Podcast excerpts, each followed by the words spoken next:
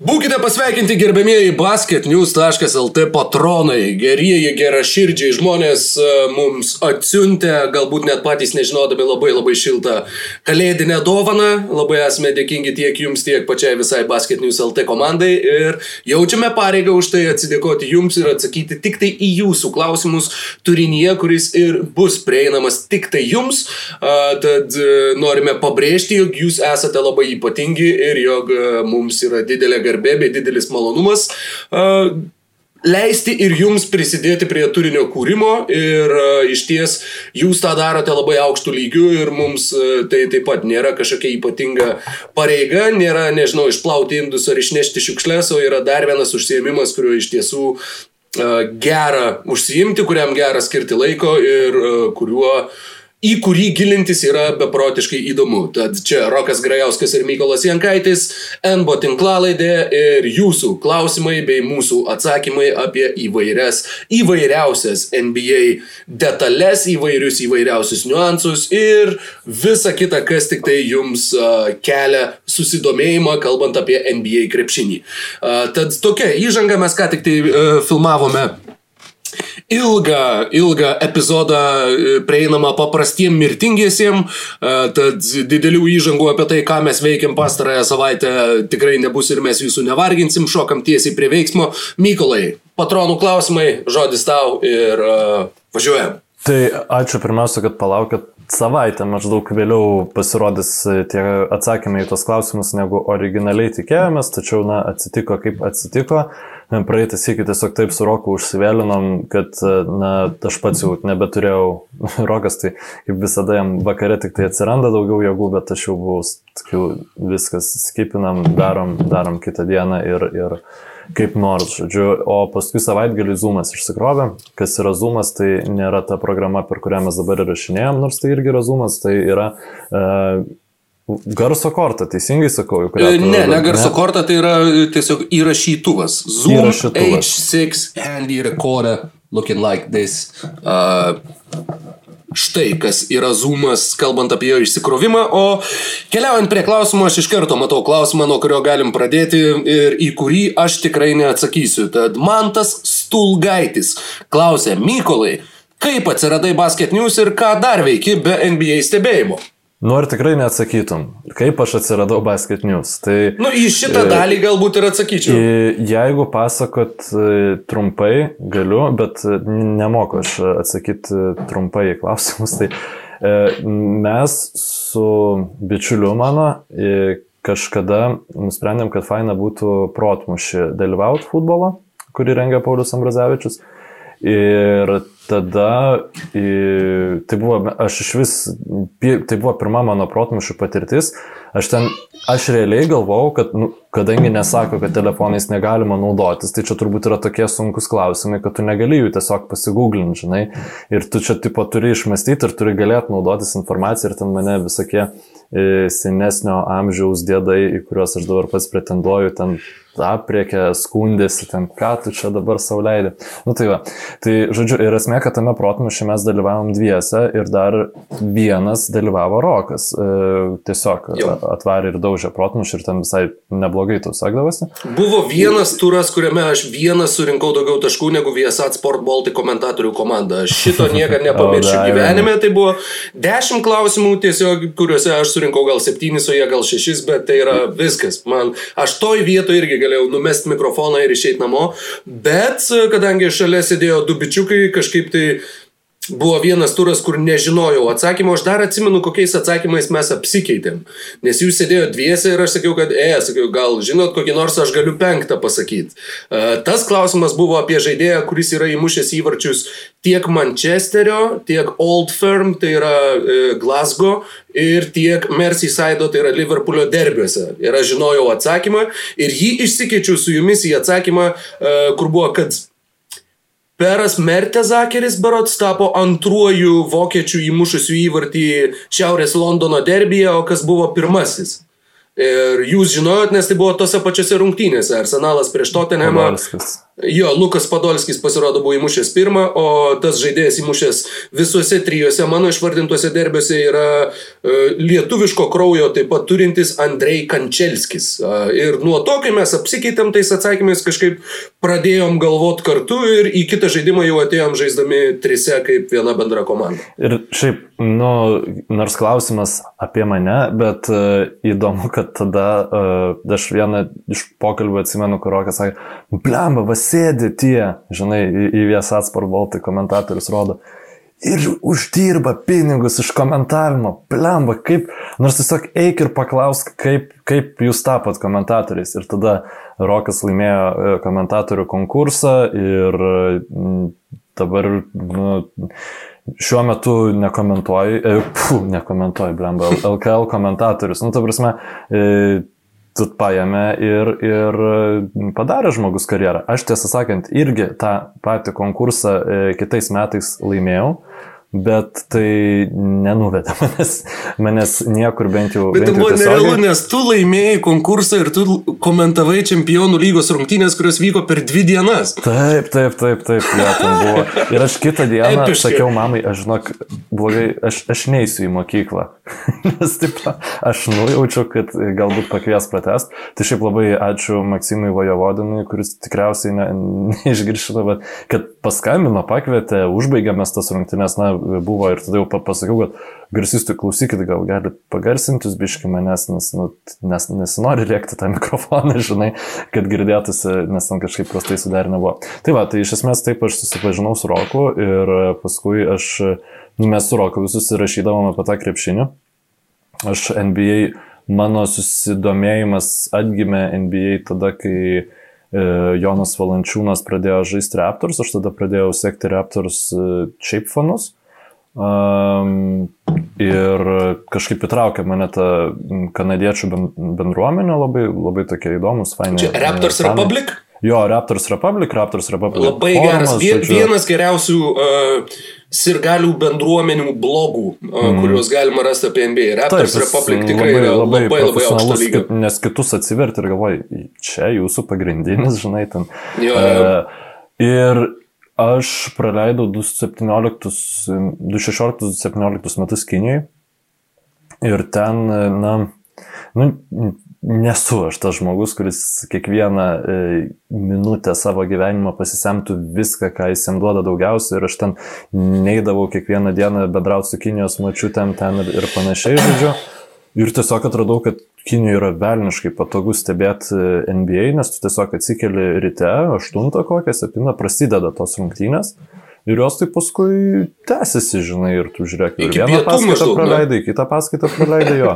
Tada galėjai pamėgoti ir vakarė jau Premier League. Nu, čia jeigu, jeigu savaitgaliai. Tai, ir taip, taip aš ir tą kalbą biškai mokiausi, man mm, visai smagu buvo. Ir tada aš pradėjau podcastų klausyti.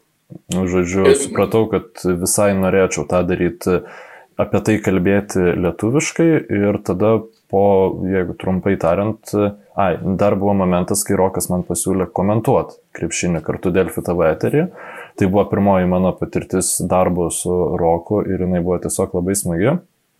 Ir paskui Rokas pasiūlė pernai gruodį, beveik nu, prieš kiek daugiau negu metus, sako, žiūrėk, man čia Jonas parašė, dar nori daryti, nu, darom podcastus, norim podcastą apie NBA ir ar, ar turi su kuo norėtum daryti ir pasiūlė man. Tai aš uh, iš tikrųjų galvau, kad, nu, gal ir nebus gerai, bet sakyti ne tokiam dalykui, tai, nu, tiesiog būtų visiškai nesąmonė. Tai... Čia tau nekinų močiutės. Jo, čia man nekinų močiutės. tai kinų močiutės, kodėl nebendravai jos turėtų mėgsti labai daug vilnonių koinių ir labai pigiai. Atsiprašau, ne, bet kiniai, kiniai Vilnonės konės, man atrodo, pigiai nepilnamečiai. Nežinau. Auč, kuo toliau, tuo blogiau. Labai gerai. ne, šiaip, šiaip Kinijos mačiutės jos ten nežinau, duoda visada tam kažkokį ištraukia. Nu, šiaip kaip ir visos mačiutės duoda pavalgyti, tik tai kino mačiutės šiaip min yra, jos šaiposi, kad tu storas, kad tu, kad tu tipo lipi į kalną ir tu dūsti, žinai, kad tavo, pavyzdžiui, tipo, kinų kalba nėra gera, nu, nes aš buvau uh, po įvaizdžių, ypač kai mokys, žinai, atrodo, kad dieve čia tu nuvarai kinį ir visi svaigsta, kad tu čia iš vis bent bandai kalbėti kiniškai. Tai taip yra tokių žmonių, bet mačiutas tokias mažu, čia, čia kiek laiko gyveni jau kinį ir šį vis dar nekalbi normaliai, nu, žodžiu. Tai, jo, e, tai taip aš atsiradau Basket News e, ir ką aš dar veikiu be NBA stebėjimo, tai Šiaip nudirbu Telijoje klientų aptarnavimo srity, tai tokį visiškai standartinį darbą, kurį dirba žmonės, kurie mokykloje užuot darę namų darbus labai gerai išsivartydavo vietoje gavę klausimą. Žodžiu, tai dauguma šitų žmonių gan, gan sėkmingais pardavėjais tampa. Tai aš tame tarpe, nu, šiaip tikiuosi, kad man pavyks kažką daugiau ten padaryti, nes dar šiaip labai įdomios technika, ten consumer electronics, man labai patinka būtent visi ten telefonai, kompiuteriai ir panašiai tiesiog įdomu yra ne jų vidų gilintis, bet šiaip tiesiog stebėti ten visus tos dalykus. Tai va, tiek apie mane. Žodžiu. Labai gražu, labai gražu. Puikus CV. Dar tik tai pridėčiau, kad e, ir pasikviečiau tave komentuoti NBA, todėl kad tu turėjai savo blogą Facebook'e pavadinimu Dėmesio NBA. Ir būtent tai, ką tu rašiai tenai, man labai parodė, kad wow, wow, šitas bičias gaudos ir jis gerai gaudos ir jis gerai reiškia mintis. Ir dėl to man kažkaip kilo ta mintis būtent pasikviesti tave kartu pakomentuoti. Galvau, pažiūrėsiu, kas čia bus, nes nu, visai yra potencialo, kad būtų neblogai. Ir va kaip visą tai tęsiasi, kadangi tas komentavimas buvo čia kilinti 2, 17, 18 ne, ne, ne, metai, du, kažkas tokio. 18, 18, 19 metai. Nu dabar kaip du senukai ginčysimės. Ne, palauk, ne. Ne, 18, ne, o gal ne. Tai netaip ir svarbu, tačiau vienai par kitaip. Aš labai džiaugiuosi, kad ta pažintis šitaip, šitaip užsimesgė ir turim padėkoti Pauliui Ambrazevičiui, nes Pasirodo, be jo, žiūrėk, nebūtumėm susipažinę. Ne? Tai va, e, kitas klausimas, e, Augustas Babė. Vis nežinau, kaip e, tavo pavardę Augustai kirčiuoti, jeigu gali parašyk komentaruose ar babelis ar babelis.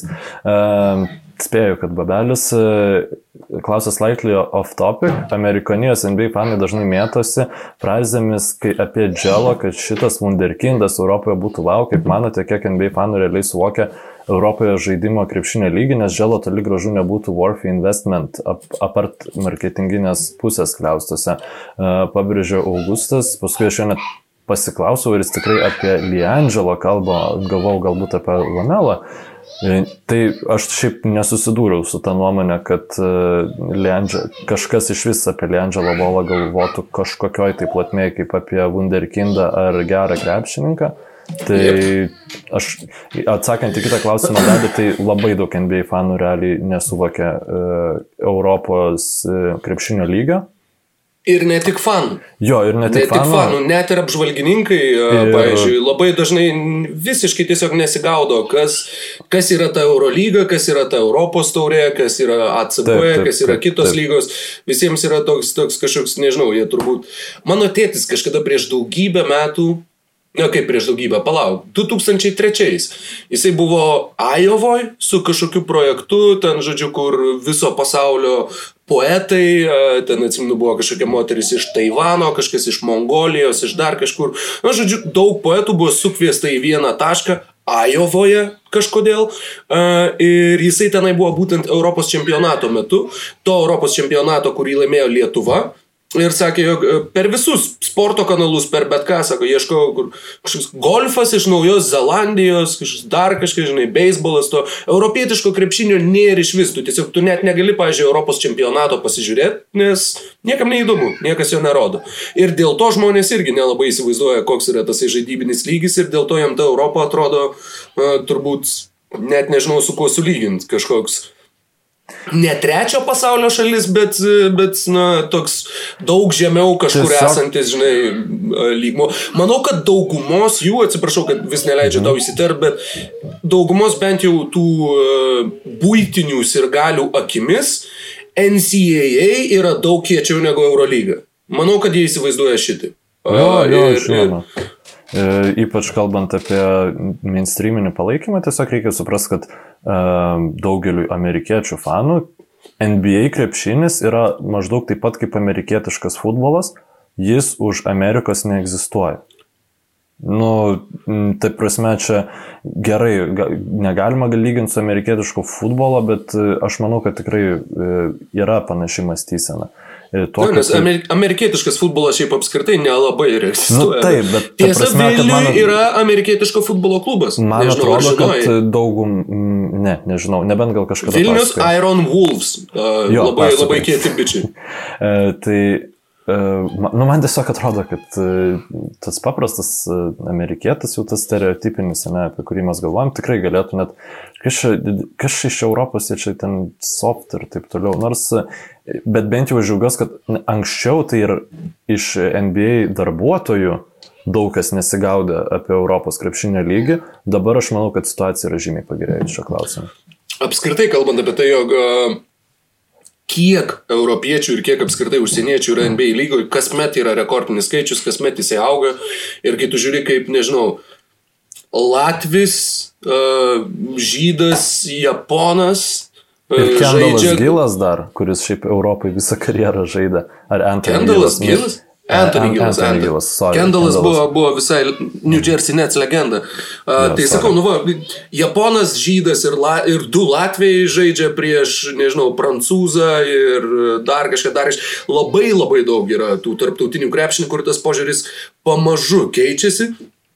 Apie Liangelo genialumą Europoje man irgi girdėti neteko, bet uh, kai jie du žaidė už Prienų Birštono Vytautą, Liangelo buvo toks, nu, toks neįtin aukšto lygio, bet normalaus pakankamai lygio LKL atakuojantis gynėjas. Šiandien irgi taip pat aš manau, kad jisai galėtų žaisti už kokį kėdainių nevėžį, rinkti po 12-13 taškų ir būti tokiu atveju galimai rezultatyviausių komandos krepšininkų ir, na, sakykime, nedaryti didelės gėdos arba nenešti per nelik didelio minuso komandai. Bet, bet tai tikrai nėra žaidėjas, kuris, kuris turėtų kažkokį ypatingą labai jau aukštą talentą.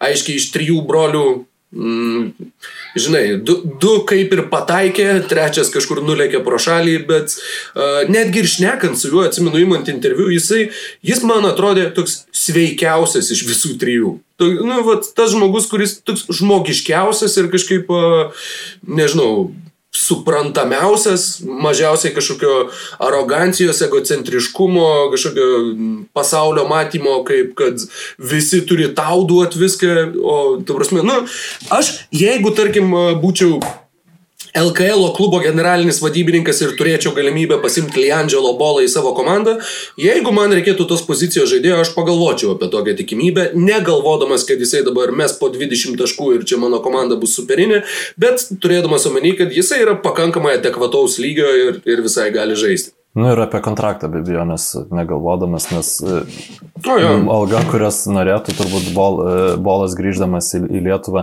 smarkiai kirstusi su tuo, ką, ko jis yra vertas. Jo. Taip pat Aurimas Sabetskis, aš čia prisegu sorry klausimą, bet tiesiog, kad nebesugrįžti prie šito žmogaus. Ką jūs galvojat dėl Leandželo bolo pasirašymo ir po to atleidimo, kur visoje šitoje situacijoje galima išvelgti e, loginį ryšį, ar čia viešųjų ryšių akcija, Rokas turi atsakymą, kurį jau sakė praeitoj tinklalaidai. Esu tai jau atsakęs Jeigu taip. gali tiesiog pakartok labai greitai. Jeigu komanda pasirašo sutartį su žaidėju ir jį atleidžia, teisės į tą žaidėją NBA G lygoje priklauso to klubo dukteriniai komandai. Šiuo atveju tai yra Grand Rapid Drives, man atrodo, yra Detroito Pistons dukterinis klubas, tad jam žaidžiant G lygoje jokia kita komanda negali jo pasimti, jisai priklauso Grand Rapid Drives. Ir tam tu gali taip, tu gali pasirašyti kontraktą, paspaust ranką, tada sakyti, mes tave atleidžiam, paspaust ranką ir viskas. Šita procedūra jau yra atlikta. Uh, tai čia ir yra ta logika ir būtent dėl to toks žingsnis ir buvo žengtas. Kitas klausimas. Kitas nori? klausimas, aš jau irgi nusižiūrėjau vieną. E, Andrėjus Novikovas mūsų klausė, į kurios komandos sąskaitą įrašoma minutės per traukėlę, jei iki 7 ar 3 kėlinio minutės, tai yra iki kai lieka šitie kėlinukė, e, komandos jų nepaima ir ateina laikas reklaminiai minutės per traukėlį. Ačiū. E, labai smagu, kad Andrėjus uh, pastebėjo šitą apskritai mm, minučių pertraukėlių principą, tai yra būtent pirmas švilpukas po 7 minučių riba, tai yra jeigu yra 6.58, niekas dar neprašė pertraukėlės, pirmas švilpukas iš karto yra minutės pertraukėlė automatiškai ir pirma minutės pertraukėlė, jeigu niekas jos neėmė ir jinai yra imama tokiu būdu, yra įrašoma namų komandai. Ir taip yra kiekviename kelinuke. Po septyniom minutėm namų komanda, po trim minutėm svečių komanda. Dar vienas niuansas, kai ketvirtam kelinuke lieka mažiau negu 3 minutės, kad ir kiek komandoms buvo likę minutės per trukėlių iki tada, joms lieka po 2. Todėl dažnai galima pamatyti, kaip treneriai, tarkim, netgi tada, jeigu tavo komanda žaidžia geriau, turi tą psichologinį pranašumą, tarkim, persveria rezultatą, turi kokius plus 6 ilgai atsilikinėjus, likus, tarkim, 3 minutėm 15 sekundžių, treneris pasims per traukėlę vien dėl to, kad išnaudotų tą pertraukėlę, kuri kitų atveju pradings, kai liks mažiau negu 3 minutės iki ketvirto ketvirto kilinuko pabaigos. Štai.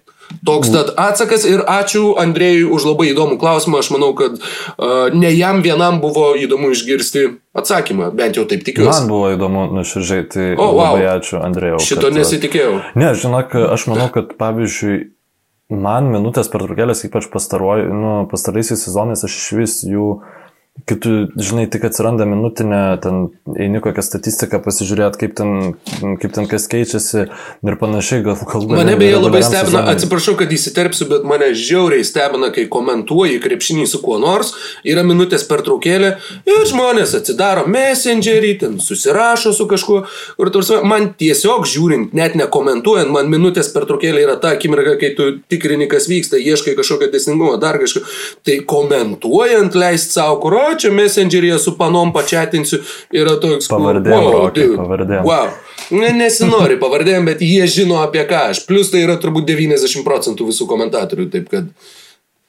Šiaip, Nežinau, man nesuvokiama, bet kiekvienam Nu, taip, savo, kiekvienas turi tu, savo metodiką. žmogus, kur, mm, kai nepamenu, kurias rungtynės, kai komentavom tas vienas iš ten penkių kokių, e, kai tris kartus į eterį neišėjom ir tu kiekvieną sykį su tuo, nu, beprotišku užsidegimu vis užsipumpuodavai ir pradėdavai, tai tada labai labai daug respekto iš manęs įgavai, nes, nu, to žmonės nemato.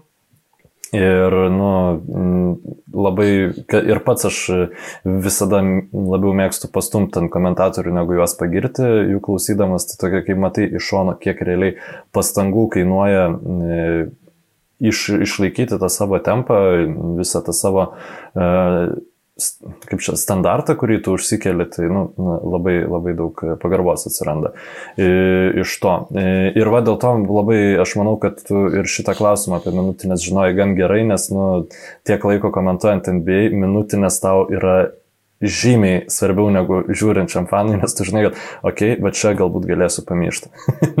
Žinai, Jo, iš esmės, jo. Nu, šiaip atsikvėpti ir... ir... Jo, jo. Arba tiesiog pasakyti, kad, o, va, artėja pirma pertraukėlė ir tada sušvilpė ir yra pertraukėlė ir tu jauties kaip, o, žiūrėk, kaip čia iš šono turėjo atrodyti, kaip aš čia Kaip gerai viską žinau. skaitimą. Um, Limi e, klausia. e, Lymi, čia kažkas iš tavo draugų Kinijoje? Neturiu nei vieno draugų Kinijai. Jie, tu, tai ką tu ten per metus? Prisimenu Memphis Greenhouse, mes irgi, mes irgi. E, Grit and 2001 Grind, beje, E, Grindhouse buvo e, šitų mm, feikinių filmų, trailerių, žodžiu, visa kompanija. O, geras. Kurį sukūrė Mačetė, pavyzdžiui, filmas Mačetė atsirado dėl to, kad jie padarė trailerį filmui, kurio nebuvo ir visiems tiek patiko traileris, kad jie galiausiai padarė filmą pagal tą trailerį. Ten jie daug turėjo Nazi Werewolf, Women of the SS ir panašiai, žodžiu, Grindhouse yra, yra fantastiška. Labai rekomenduoju pažiūrėti uh, tą visą absurdo komedijos žanro nuostabų pavyzdį, o, o Memphis buvo Grit and Grind. Grindhouse yra truputį kitas dalykas. Žodžiu, nugalėtas pirmas įdas San Antonijo pirmame etape, 2013 nukeliauti iki vakarų konferencijos, konferencijos finalo, kaip manote, kokią vietą šiuolaikinė NBA užimtų Marko Zybau, Tonelino Princo, e, Conley, Arturo, e, Memphis prieš dominuojančią polimo ir greito krepšinio madą. Šiaip, e, tiems, kas patinka, tiem, kam patinka šita komanda, labai siūlau klausyti, paklausyti Duncan and Hollinger podcast'o, nes ten tą visą podcastą veda e, vienas iš šitų komandos architektų, Jamesas Hollingeris, kuris taip pat Jonas. Hollingeris. Jo, jo, aš niekad inicialų prie vardą nesugebu normaliai priskirti. Kuris, tarp kitko, ir labai daug įtakos turėjo šiaip statist, statistikos traktavime krepšinio, nes e, taip, įvedė jis, PER e, taip, sistemą. Su, sukūrė savo jo e, efektyvumo skaičiavimą iš esmės, kuris dabar yra naudojamas NBA lygoje, Jonas Hollingeris yra jo autorius. Taip. taip. Tai ir jisai karts nuo karto vis mestelna tokį, nu, vis insaidą apie, apie tai, kaip kūrėsi šitą komandą ir panašiai. Ir pavyzdžiui, paskutinis gabaliukas, kurį jo, iš jo girdėjau apie šitą komandą, tai yra, kad mes laimėdavom rungtynes dėl savo gylio sudėties reguliariajam sezone bet mes supratom, nu, mes žinojom, kad to neužteks e, atkrintamosiose ir mes bandėm, mes e, aukojom savo gilį tam, kad pakeltumėm e, savo lubas. Čia apie tai Ryko Evanso išsimainimą. Man atrodo, jisai kalbėjo, nes neįvardino konkrečiai žaidėjo, tai va ta, ta komanda man su tuo ir sės, taip, jie turėjo va tą nuostabią gynybą, tie žaidėjai labai pasiskirstė, lyderio vaidmenis, bet nu, trūko to tik, ir, ir dabar, ir šiuo, šiuo metu trūktų to tikro, tikro e, elitinio skorerio, kuris galėtų tempti šitą komandą. Jo. Ir jo aikštės praplėtimo problemos jos tada buvo ir dabar būtų dar, dar didesnės, nes komandos... Atsimenu, komandos... kaip Warriors tiesiog nedengė Tony Alano ir tokiu būdu faktiškai eliminavo juos. Tai buvo berots 2015 metai, taip, pirmas Warriors titulas Conley nežaidė dėl traumus, taip jo, grįžo. žaidė su kaukė vėliau. Ir Tony Alano jie nedengė, ta prasme visiškai nedengė, visiškai bičių tiesiog ignoravimą uždėjo. Žmogus, kuris tave dengia, visą laiką stovi prie kito žaidėjo ir dvigubina neva su komandos draugu. Buvo visiškai ignoruojamas ir jie niekaip nesugebėjo to išnaudoti. Taip. Bet ta komanda man irgi man paliko neišdildomą įspūdį, sakykime, taip, tai buvo kitokia komanda, tai buvo komanda, kurią palaikė beje nemažai mano pažįstamų, su kuriais tais laikais kalbėdavom. Taip, juos visi mėgsta, turbūt nemėgsta Clippers fanai gal tik tai, bet o, ja. labai aš jų pažįstu iš vis. Justinas Jankievičius. A, ok. Yra prisiekęs tai, Clippers fanas, jo. Ja. Tai va, nu bet ir tai, nu tiesiog tokia komanda, už kurią fainas irgi yra. Tai. Mindaugas Liogys rašo, mums išleista nauja pagriežtinta priemonė prieš žaidėjų dirbtinį ilsinimą. Kaip tokį dalyką sukontroliuoti? Paskelbė, kad tipo iš ryto pajuto skausmą kažkur ir tiek. Ar kažkokia rimtesnė kontrolės procedūra numatyta? Mm, taip, Mindaugas labai gerai pats atsakė į savo klausimą. Nesukontroliuosiu šito dalyko. Galima bandyti, bet e, labiausiai tai sukontroliuoti galima realiai per propagandą jeigu lygos elitiniai krepšininkai, nu, tu paskatintum ten Lebroną, Janį, stumt ant e, ilsinimasi, tai galbūt tai kažkiek suveiktų, bet e, kažkokiam kardomosiam priemonėm, nu, šiaip sankcijom, mhm. tu tikrai to nepasieksi, arba bus, visada bus randama, kaip apeiti šitą dalyką, tai aš manau tiesiog... Žinau, kad, žinai, kas, žinai, kas galėtų būti, va dabar va, tiesiog šovė į galvą, uh, numatyti, va būtent ypač superžvaigždžių kontraktus, jeigu tarkim tai yra supermaxai arba max pasiūlymai, kažkokį tai bonusą, arba net ne bonusą, o kad tu gausi kažkokį tai finansinę nuobaudą, jeigu tu sužaisi, pavyzdžiui, mažiau negu 90 procentų rungtynių. Jo, bet tada, žinai, da, Aišku, žinai, jo, ten kokiam embidui, tai, žinai, nu, truputį kirstų per kišenę, bet va tokiu va būdu. Niekad nepasirašytų žaidėjų, su, su, tai, tai, būtų lokautas, nevyktų NBA tiesiog ir... Arba, ir žinai, kažkaip suformuoluot, kad tai būtų, tarkim, uh, kad rungtynės, kurias tu praleidi paeiliui, jeigu tai yra dėl traumos, tai mhm. tuomet šita taisyklė negalioja.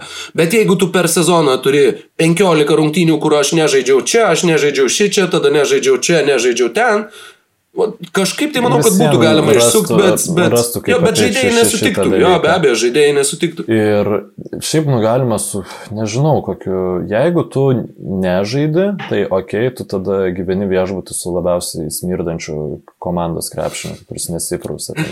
Adamas Morrisonas tiesiog yra grįžta, grįžta į lygą. Tu žinai, tu pasiemi Kawai Leonardą ir tu sumoki 10 milijonų per sezoną Adamai Morrisonui tam, kad Leonardas žaistų. Atsiprašau už, už tokias kas nesąmonės, yra jau 10 vakaro. Tai...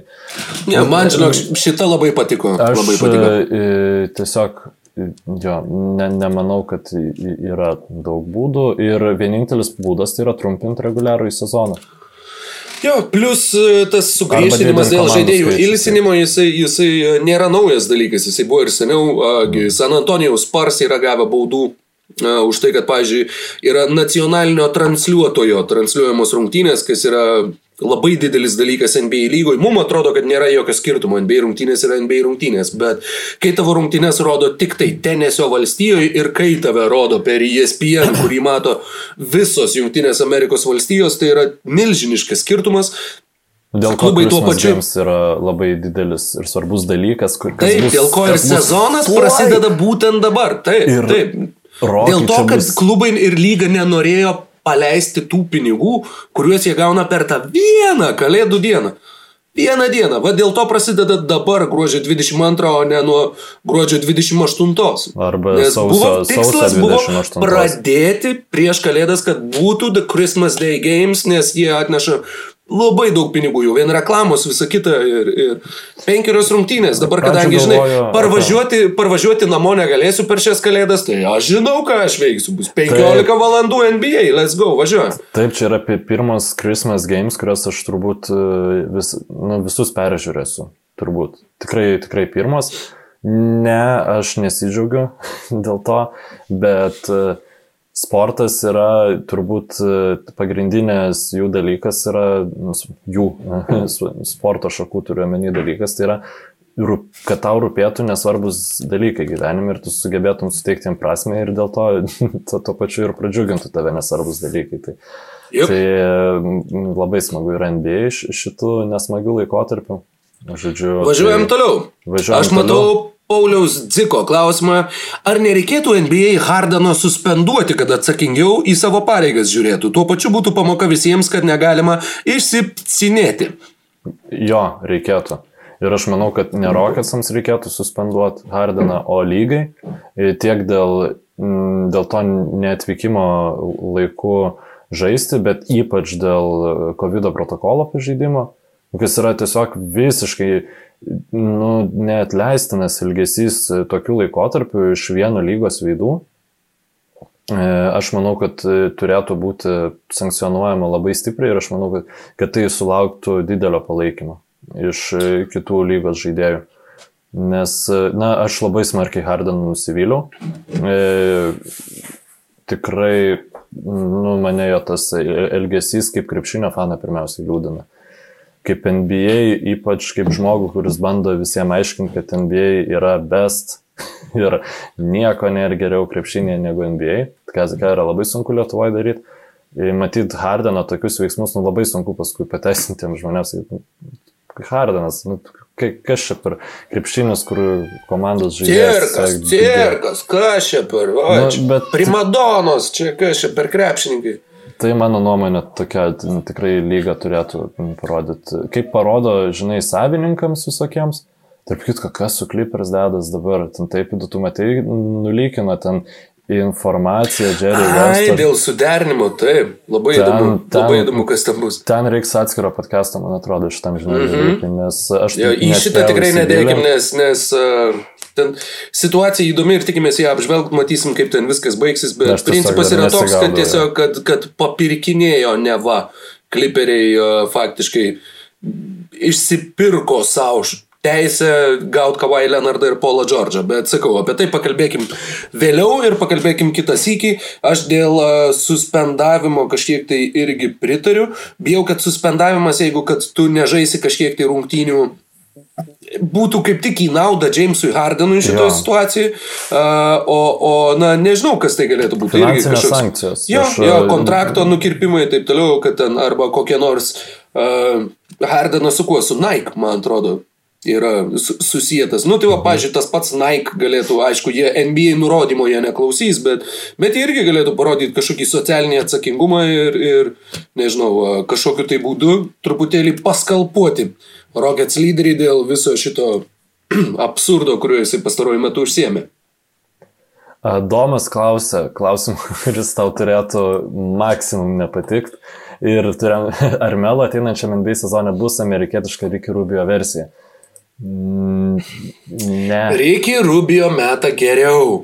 Dabar. Geriau. Šiais metais taip. Karjeros, Pradžiai karjeros, aš ačiū Dievui nesiekiau Ricky Rubio karjeros pradžios, nes jinai galėjo būti truputį varantį į neviltį.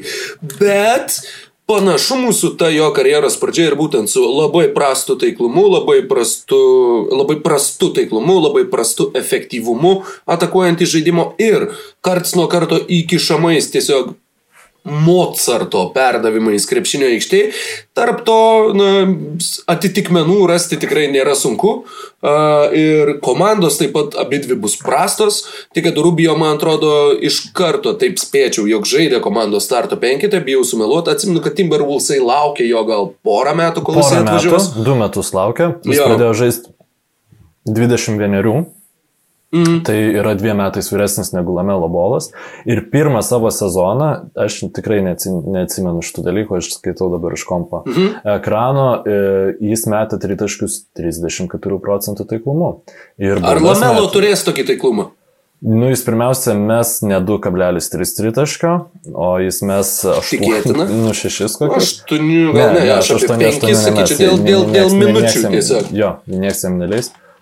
Lemba, žinok, nežinau. Man atrodo, kad Lamelo silpnoji vieta nėra metimas, o yra prasiveržimas iš po kontakto, žodžiu, metimas po krepšio. Tas irgi, ir metimas irgi, ir plus dar vienas dalykas.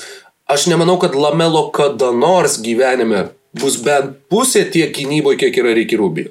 Pusė tiek bus.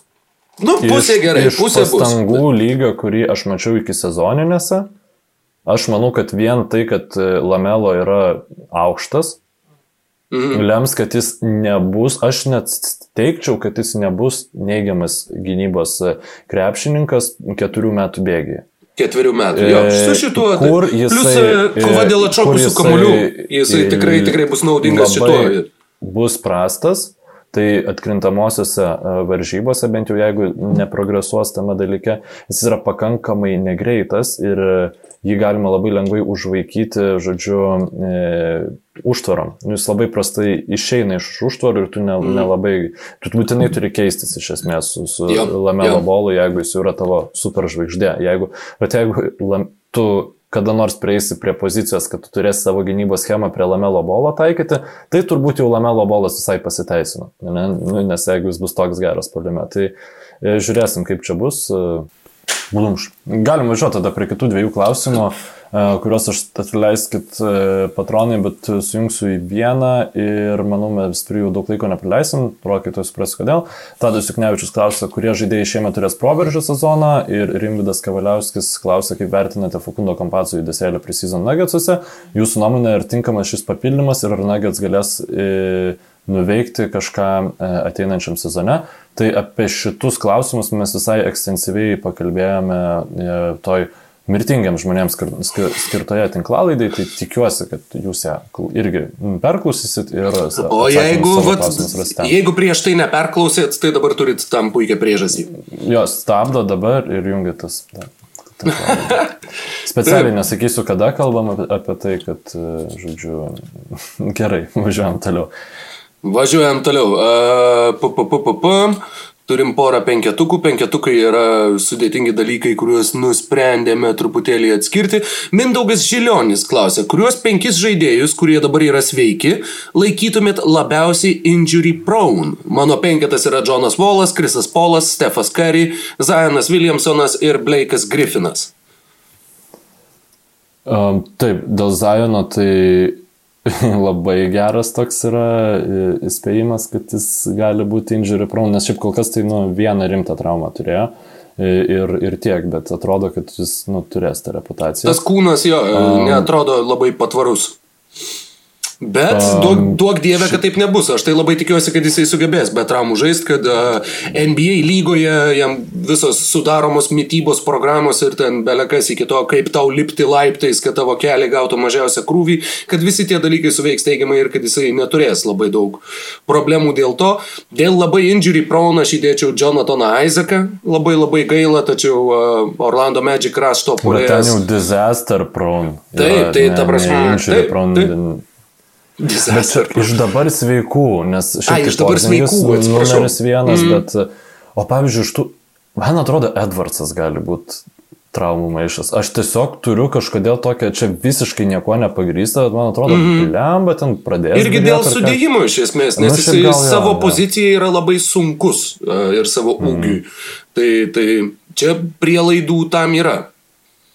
Ir kas čia dar galėtų būti? Šiaip siekamas visai, taip, bet, nu, kaip kai rap, raptoras daugiau sekų, tai dažniau tų traumų pastebi. Mhm. Bet, e, žinai, kas dar, nu vėl prie tų naujokų grįžtų, man atrodo, na, dėl to, kad tas krepšininkas vis dar nesužaidė ne vienos, e, e, ne vienų rungtynių už savo komandą, a, Weizmanas gali būti irgi savo karjeroje toks visai. Nu, jis žaidė tik trejas rungtynės NCAA Tikiuosi, kad e, ne, nepatirs daug reikšmingų traumų, bet gali būti, žinai, kad ten Aivis kelias su- sumuštas, ten dar kažkas, nu, tok, tokių vis praleidžia, pavyzdžiui, ten mėnesį ten dėl kažko. Jo, kiekvienam jo. sezone. Žailį Embidą dar įdėčiau į šitą sąrašą iki, iki pilno sveikas, komplekto. Taip, taip, Jo, taip, jo. Ir, ir, ir vis, vis, vis pagriūna kartais. Um, Pabyra. Ok, um, taip, tai pakalbam tada apie fantasy. Mm, Tuos e, žaidėjus, čia klausytojai turbūt matysit, kad šiek tiek toks buvo nutrukimas, nes išjungia mane iš Jono Miklovo Zumą, kurį mes naudojame įrašinėjimui. Tai Justinas Jaras klausė, turbūt abu žaidžiat NBA Fantasy, būtų įdomu sužinoti, į kuriuos ne pirmo ryškumo žaidėjus vertėtų atkreipti dėmesį. Pavyzdžiui, Horton Tucker iki sezoninės rodo neblogus skaičius, bet ar tai nėra tik e, dėl rungtynių menkos svarbos? Taip yra.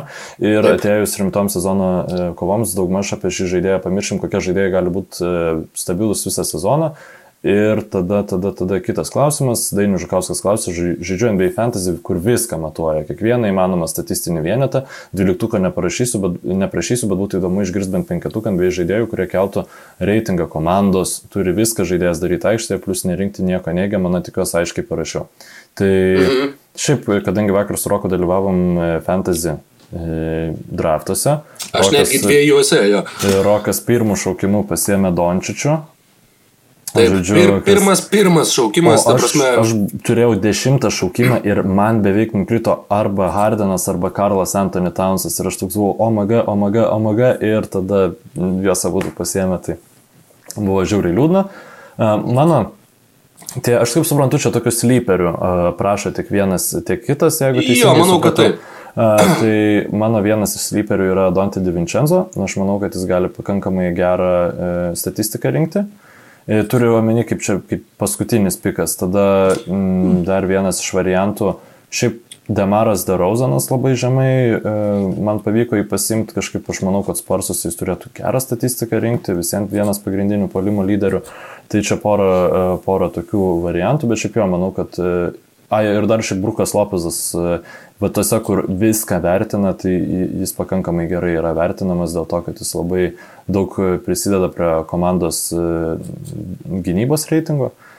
Bet šito nevertina tikrai joks fantasy. Kad jis nu, prisideda prie gynybos rašo reitingo. Viską matuoja, kur... Ne, tai aš manau, kad tai yra visi statistikos rodikliai. Tai yra yra field tų, goal percentage, tų, free throw ad- percentage, advanced turnovers. stats įtraukia į, į Jo?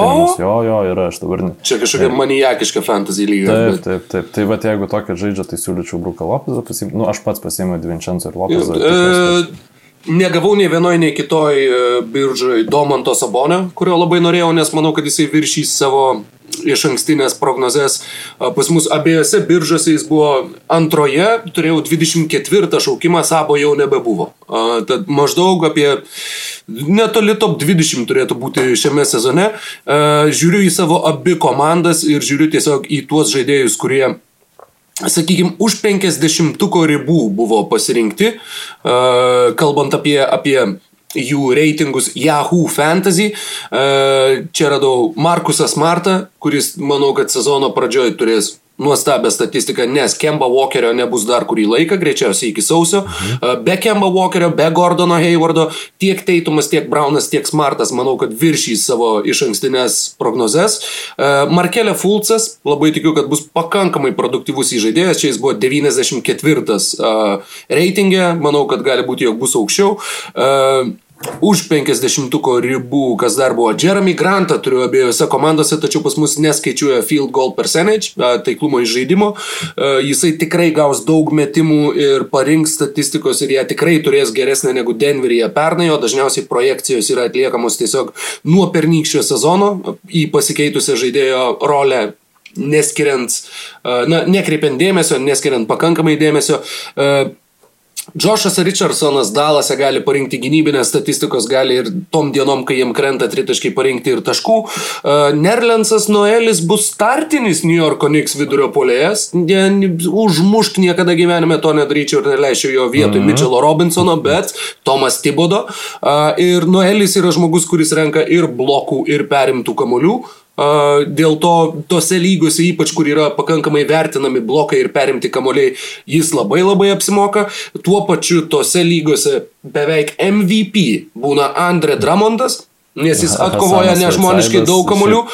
Stylai ir blokai. Dramondas pernai buvo top 10 lygoj tiek pagal stylus, tiek pagal blokus. Tiek pagal perimtus kamolius, mm -hmm. tiek mhm. pagal blokus. Tad jo produktyvumas priklausomai nuo lygos taškų skaičiavimo sistemos gali būti tiesiog nežmoniškai didelis. Ką dar turiu? Aaronas Bainsas buvo tragiškai žemai 175 numeris, tad e, manau, kad jis kaip startinis Toronto Raptors vidurio polėjas tikrai bus aukščiau, nors yra projektuotas žemiau negu Krisas Bušė. Skaičių, žinok, sakyčiau... Taigi tritaškių pamėtys, tikrai pamėtys. Nu, ir tuo pačiu parinks atkovotų kamolių. Tai labai injury prone yra Bainsas. Tai... Injury prone, taip. Ir kiti žaidėjai, ką aš čia dar radau, kitoj komandoje, Devonte Grahamas buvo pakankamai žemai, aš manau, kad jisai šiais metais tikrai rinks daug.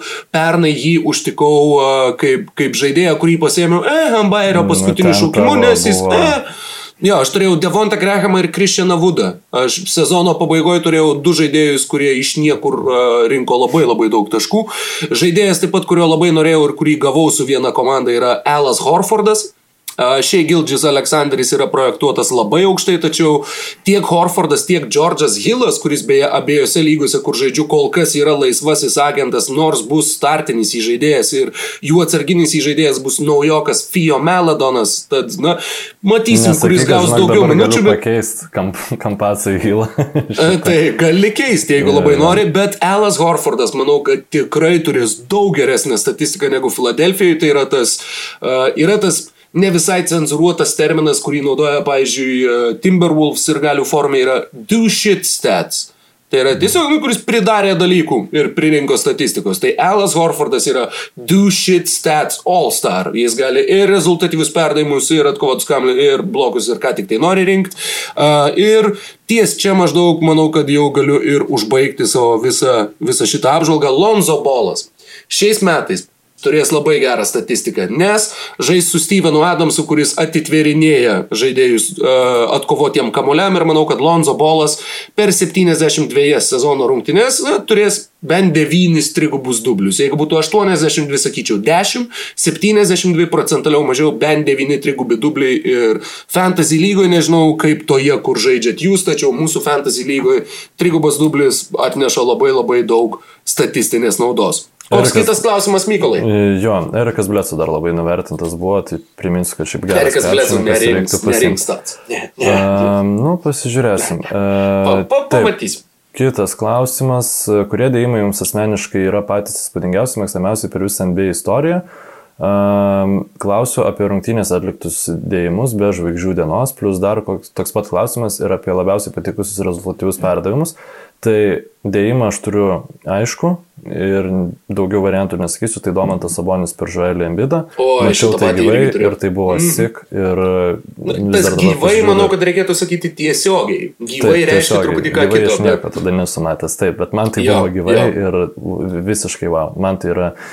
Šitas tuo pačiu iš lietuvių valančiūno dėjimas į krepšį, kur išplėšė pratesimą prieš Milvokį. Turėjo pergalį išplėštą nepratesimą. Jo, turėjo būti bauda. Tikrai turėjo būti bauda. E, iš tų dėjimų, kurių nemačiau tiesiogiai, bet kurie tikrai yra super įspūdingi. Negaliu nepaminėti Scotty Pippinas per Patriką Juvingą. Vienas iš pačių, pačių žvėriškiausių, gyvuliškiausių dėjimų, kokius esu matęs. O iš tų, ką mačiau tiesiogiai, tai buvo rungtynės, kurios neturėjo ypatingos svarbos, tačiau pratesime Detroite Demaras Derozanas, kurį išniekino Anthony Toliverį ir per, tiesiog per visą aikštę likus gal 3-4 sekundėm Torontas išsimetė kamuolį, Derozinas perėjo keurai per viską ir taip sugrūdo kamuolį per Toliverį, man rodos dar su bauda ir tai buvo pergalingas dėjimas. Iš tų taip pat negaliu nepaminėti, nes tai buvo vienas iš tų, kur tą akimirką skiautis. Wow, toks uh, mind-blowing, uh, mintis išsprogdinantis dėjimas. Tai jeigu kas nors nesat matę, nu, Demar DeRozan, Dunk Pistons, jo žiauriai geras. Um, Ir šiaip visi Polo Džordžo dėjimai Indianos Pacers gretose, kur tiesiog ne, visus esi vinjetas buvo galima dėti žiūri ir wow.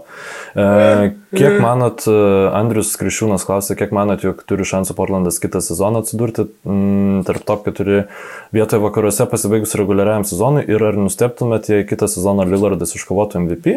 Iš šitą klausimą vėl yra atsakyta e, kitoje. Jo, iš esmės labai trumpai sakant, nenustepčiau visiškai, jeigu Portlandas bus top 4, man rodos, aš juos ir įrašiau į ketvirtą vietą vakaruos mūsų spėlioniai.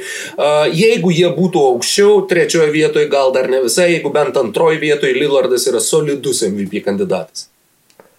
Um, Andrius Krišiūnas klausė, Hardinas į 76ers vietoj Simonso, man tai atrodo geriausia vieta, kur galėtų atsidurti Hardinas, o Hardino plus Embido duetas skamba uh, labai skaniai, ar pritartumėt? Tai Mykolai, prit... čia tavo bendra mintis, taip. Aš pritarčiau, taip, man, man Hardenas vietoj, aš, aš daryčiau Sikserių vietoj šitus mainus, o Rokas.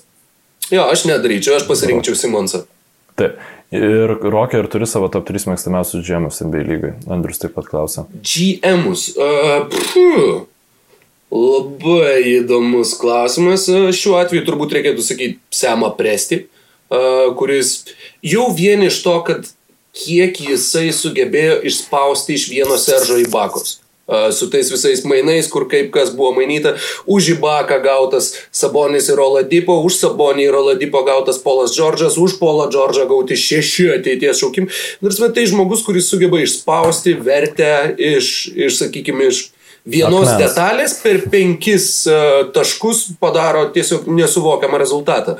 Uh, labai labai mėgau ir po šiai dienai labai mėgstu ir visą laiką būsiu ir tarp tų žmonių, kurie labai palaikė Semą Hinkį. Jo tas super radikalus uh, tankinimas savo šansų naujokų biržoje uh, man iš tikrųjų patiko, aš labai laukiau ką jisai galiausiai paruoš su ta komanda, ką jisai galiausiai padarys iš tos komandos ir man buvo super apmaudu, kad tiesiog lyga iš esmės jį išspyrė ir įdėjo vietojo Kolandželo tėvo ir sunaus duetą, kurie visiškai nu, atsiprašant, prišiko Filadelfijoje ir dar dabar žmonės faktiškai tebevalo. vaduojasi, jo, vis dar tebevalo tai, kas buvo padaryta. Trečias ir tuo pačiu mano mėgstamiausias GM'as iš visų, be jokios abejonės, yra Artūras Karnišovas. Na, Ar reikia tai... argumentų? Manau, kad ne. Ne, tikrai nereikia. Aš tai savo mėgstamiausių pirmų numerių Masajų žiūri vienareikšmiškai. Tai yra man Oi. žmogus, kuris e, apskritai um, labai prie kurio karjeros trajektorijos susiformavo man, kas yra GM, nes iki Masajų žiūri pradėjo daryti dalykus Denveryje, aš net ne, nu, nelabai turėjau suvokimo, kas, kas tai yra tas geras GM, žodžiu, nu, tiesiog mano gal kaip NBA fano uh, tas formavimėsi tas labai daug įtakos turėjo.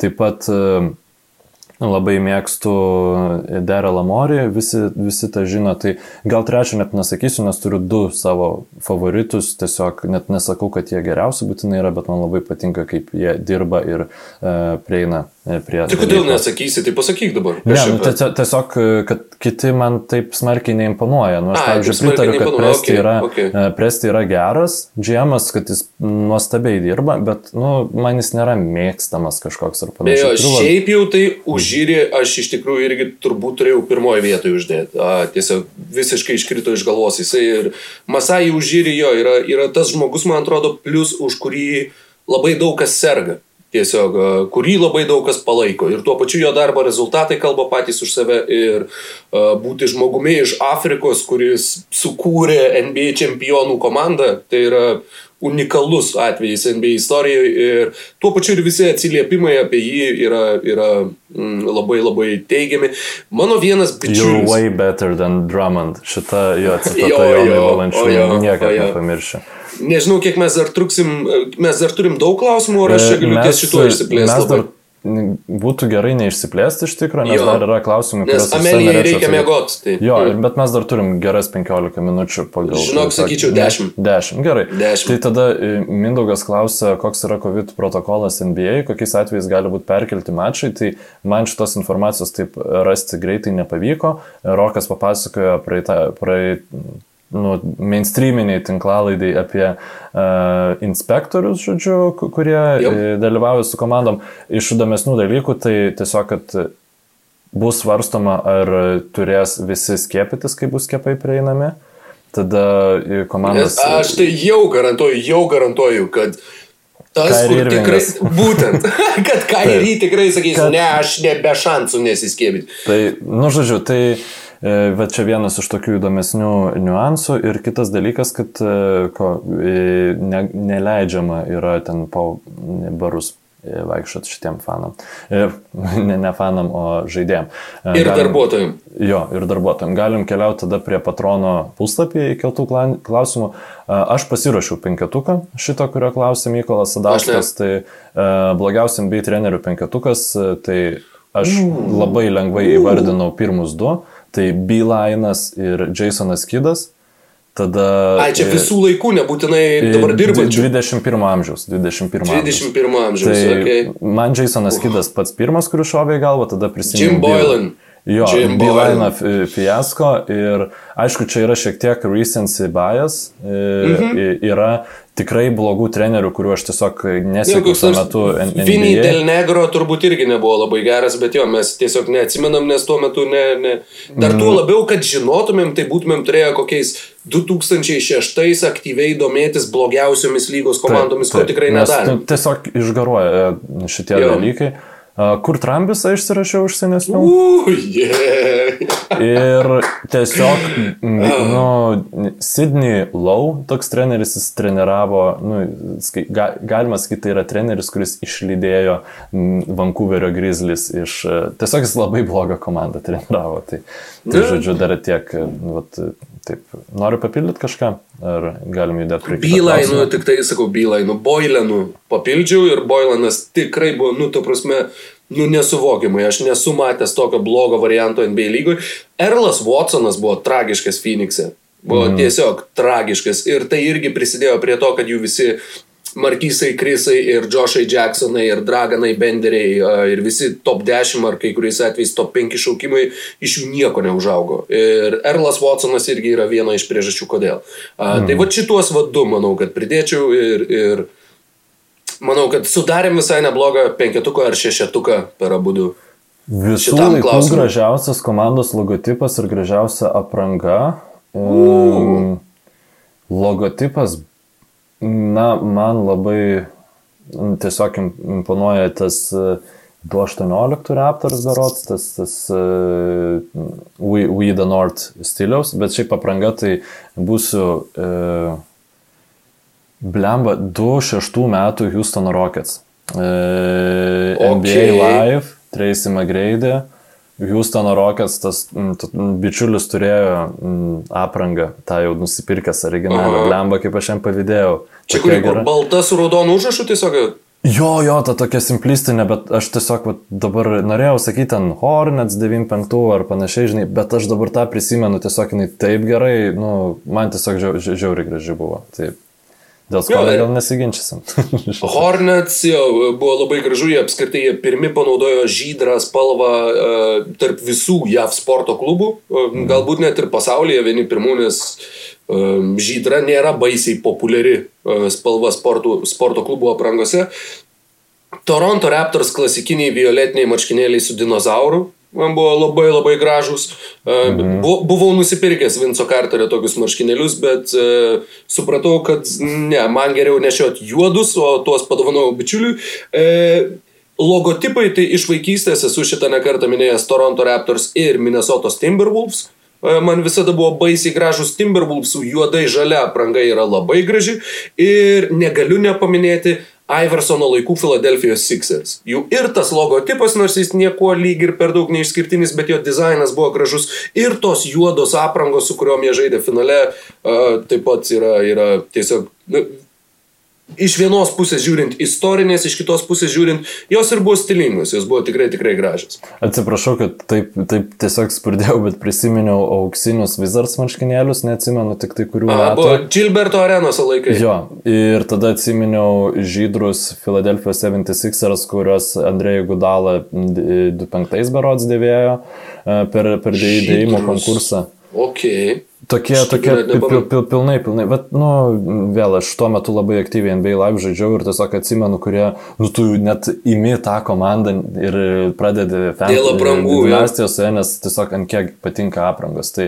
vat, 2K14, beje, tai yra tas 2K, kurį žaidžiau daugiausiai gyvenime ir žaidžiau iki pat 2019 turbūt, vis mhm. atsinaujandamas sudėtis, buvo New Yorko Knicks St. Patrick's Day marškinėliai, kurie buvo tiesiog žali Knicks marškinėliai su oranžiniais mhm. užrašais. Jo, Man jie žiauriai gražus, žiauriai gražus. Apie Hardaną porą klausimų dar turim. Gytis klausė, ar Hardano asmenybė leistų jam būti čempioniškos komandos dalimi ir man tas klausė, kaip jums Hardano fizinė kondicija. Įsivaizduoti Hardaną laimint titulą man iš tikrųjų labai sunku. Nežinau, jeigu komanda žaidžia taip kaip Houstonas, kur tavo visas žaidimo stilius yra tiesiog pasiūtas pagal Jamesą Hardeną, tai nėra čempioniškas krepšinis, mano manimu. Nu va, jie su Krisu Polu buvo labai labai arti, bet vis viena nesugebėjo užkopti į tą kalną. O ar įmanoma su Hardenu laimėti titulą, aš manau, kad įmanoma, bet e, tam irgi nežinau, turbūt paties Hardeno reikėtų truputį mentalinio pokyčio uh, ir to gebėjimo kartais atsitraukti į, į, į antraplanį vaidmenį, nes, nu, kaip Hardeno ISO step back, nu, tu nelaimėsi vien tik tai su šituo uh, judesiu čempionų titulo. Tad tai turėtų būti racionalesnė komanda, kurioje jisai atliktų racionalesnį vaidmenį polime.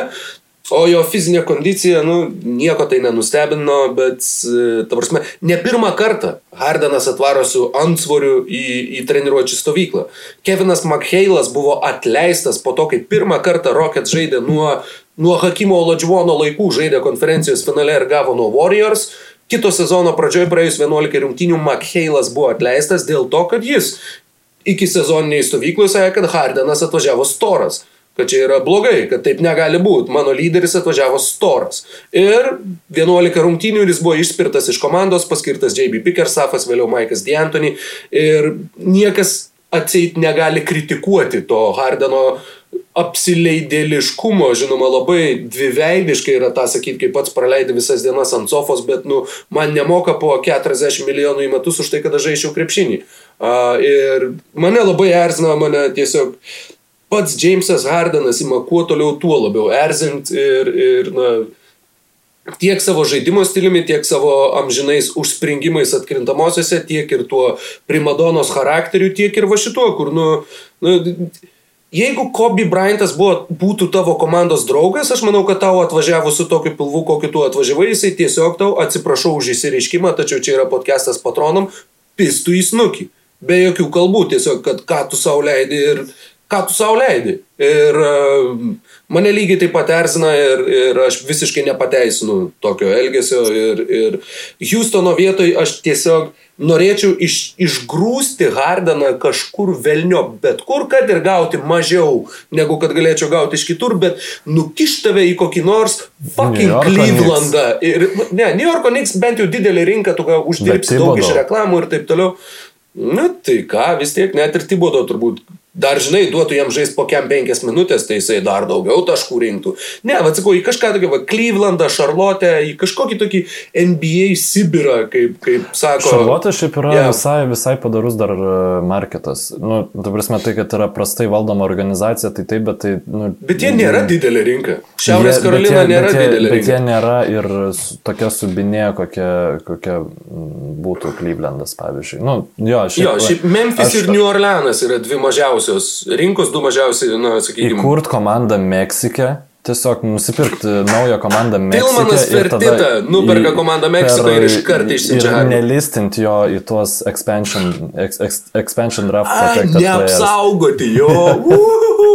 nu, bet aišku, žinai, kažką tai, kažką tai gauti už jį vis vieną Houstonui reikės.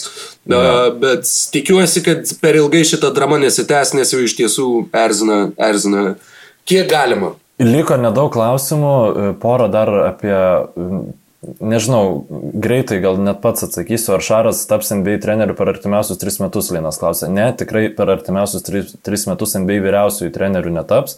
Jeigu norės tapti treneriu, tai taps asistentu, kas irgi yra NBA treneriu ir tada kažkada, aš nu, manau, kad toks yra kelias NBA vyriausiųjų trenerių. Manau, kad be asistento pozicijos tapti vyriausių trenerių NBA, nu, beveik įmanoma. Nebent e, būtų neprotinga.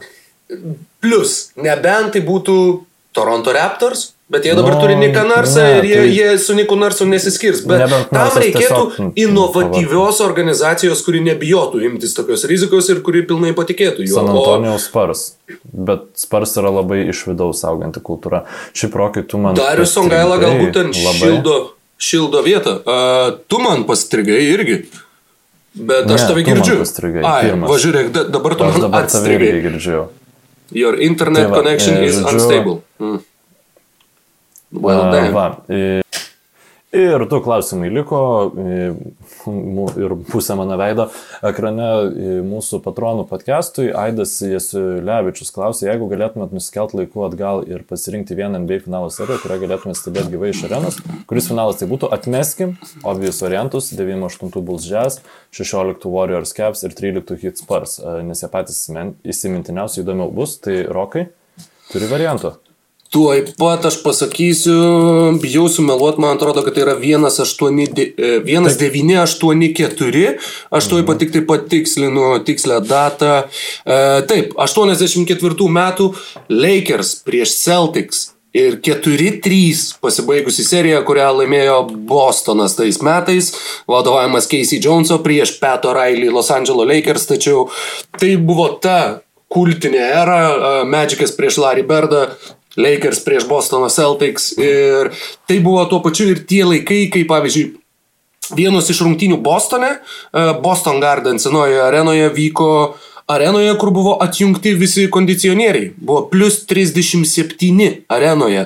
Nes jie tikėjosi, kad Karimas Abdul Džabaras, kuriam jau tada buvo 36 galbūt metai, tiesiog netlaikys karščio. Ir žodžiu, tai dar buvo tie laikai, kur dar visokių papildomų niuansų, gudrybių būdavo naudojama ir tuo pačiu tai Ma Michaelas Jordanas pavertė NBA globaliu reiškiniu, tačiau Junktinėse Amerikos valstijose Larry Birdas ir Magicas Johnsonas faktiškai išsaugojo NBA, kuri 70s buvo dideliai kriziai, kokaino mhm. kriziai ir ten viso ko ir, ir žodžiu, tos eros. Aš labai norėčiau būtent tos eros ir kaip suprantu, 84 serija buvo epiškiausia tarp šitų dviejų klubų.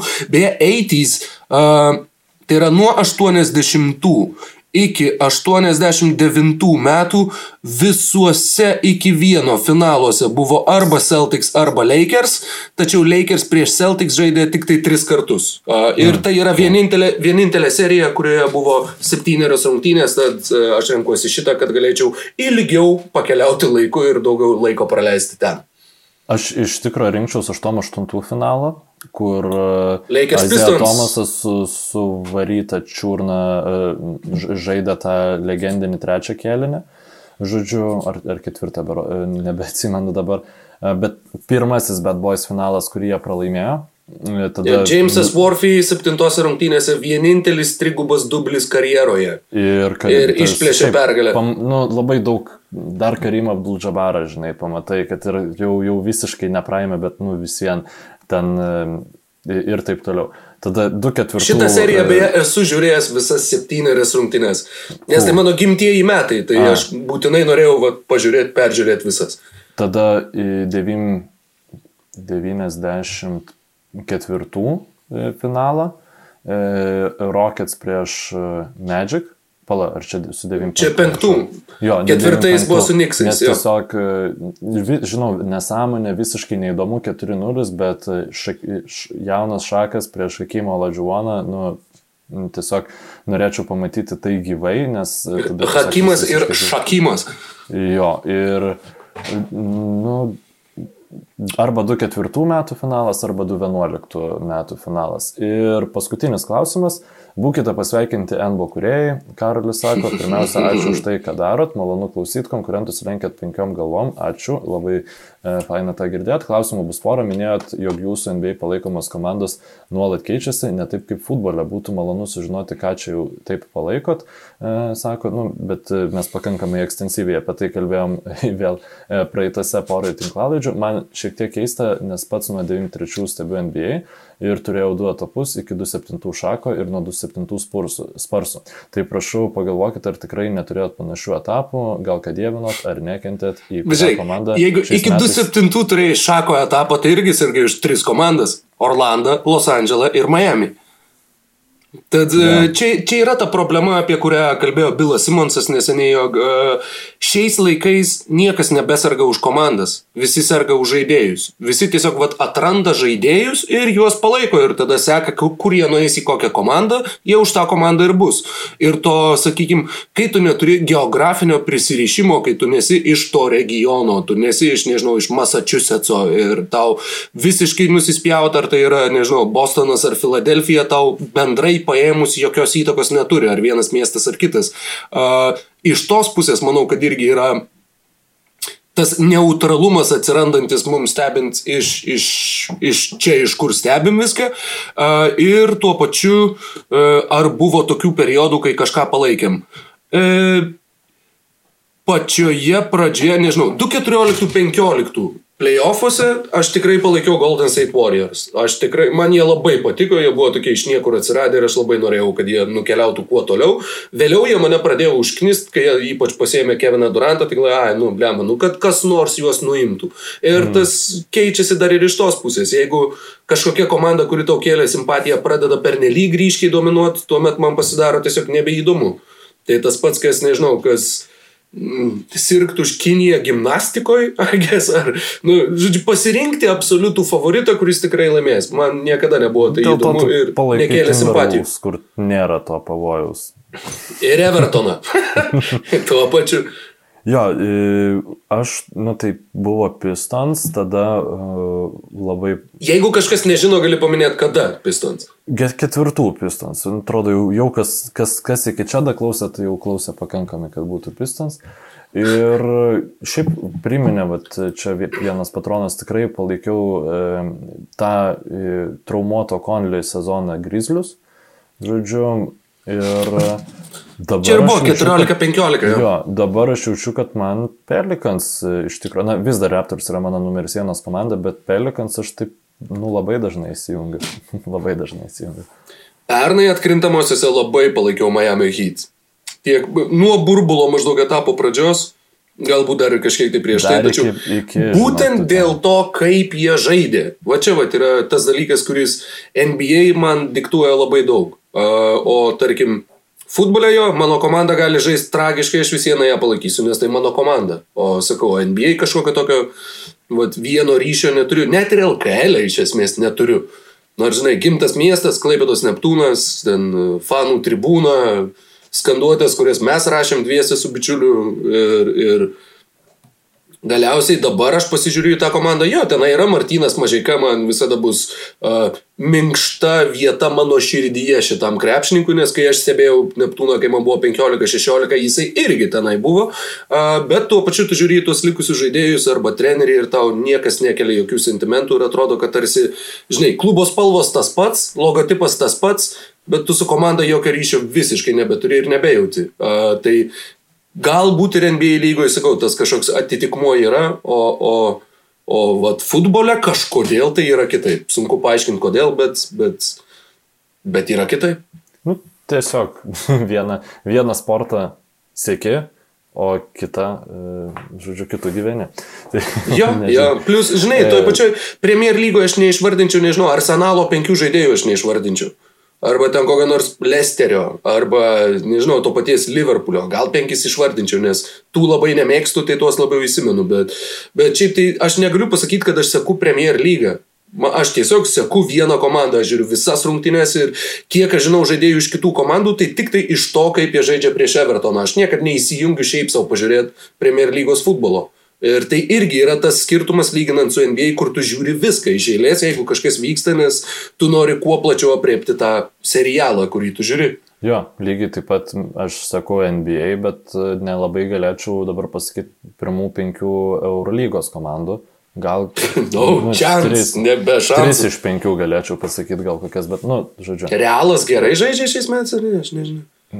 Baigiam, baigiam Gerai. savo, tada e, jau išėjom iš savo kompetencijos. Žinai, dargas, šitą, šitą tai galiu pagrysti vienu dalyku, šitą prieš, uh, kai pradėjau komentuoti NBA, turbūt jau tada, tai čia ir buvo 2014 metai, supratau, kad aš negaliu, kaip čia pasakyti, tu negali domėtis viskuo, jeigu tu nori kažką išmanyti labai gerai. Tu turi Taip. tik tai, tik tai ribotą kiekį dėmesio, kurį tu gali skirti viskam iš esmės. Ir jeigu tu tą dėmesį išdalini visur, aš žinau ir apie Eurolygą, ir apie NBA, ir apie Anglų Premier lygą, ir Čempionų lygą, ir LKL, ir ten kokį nors rankinio pirmenybės, ir dar kažką.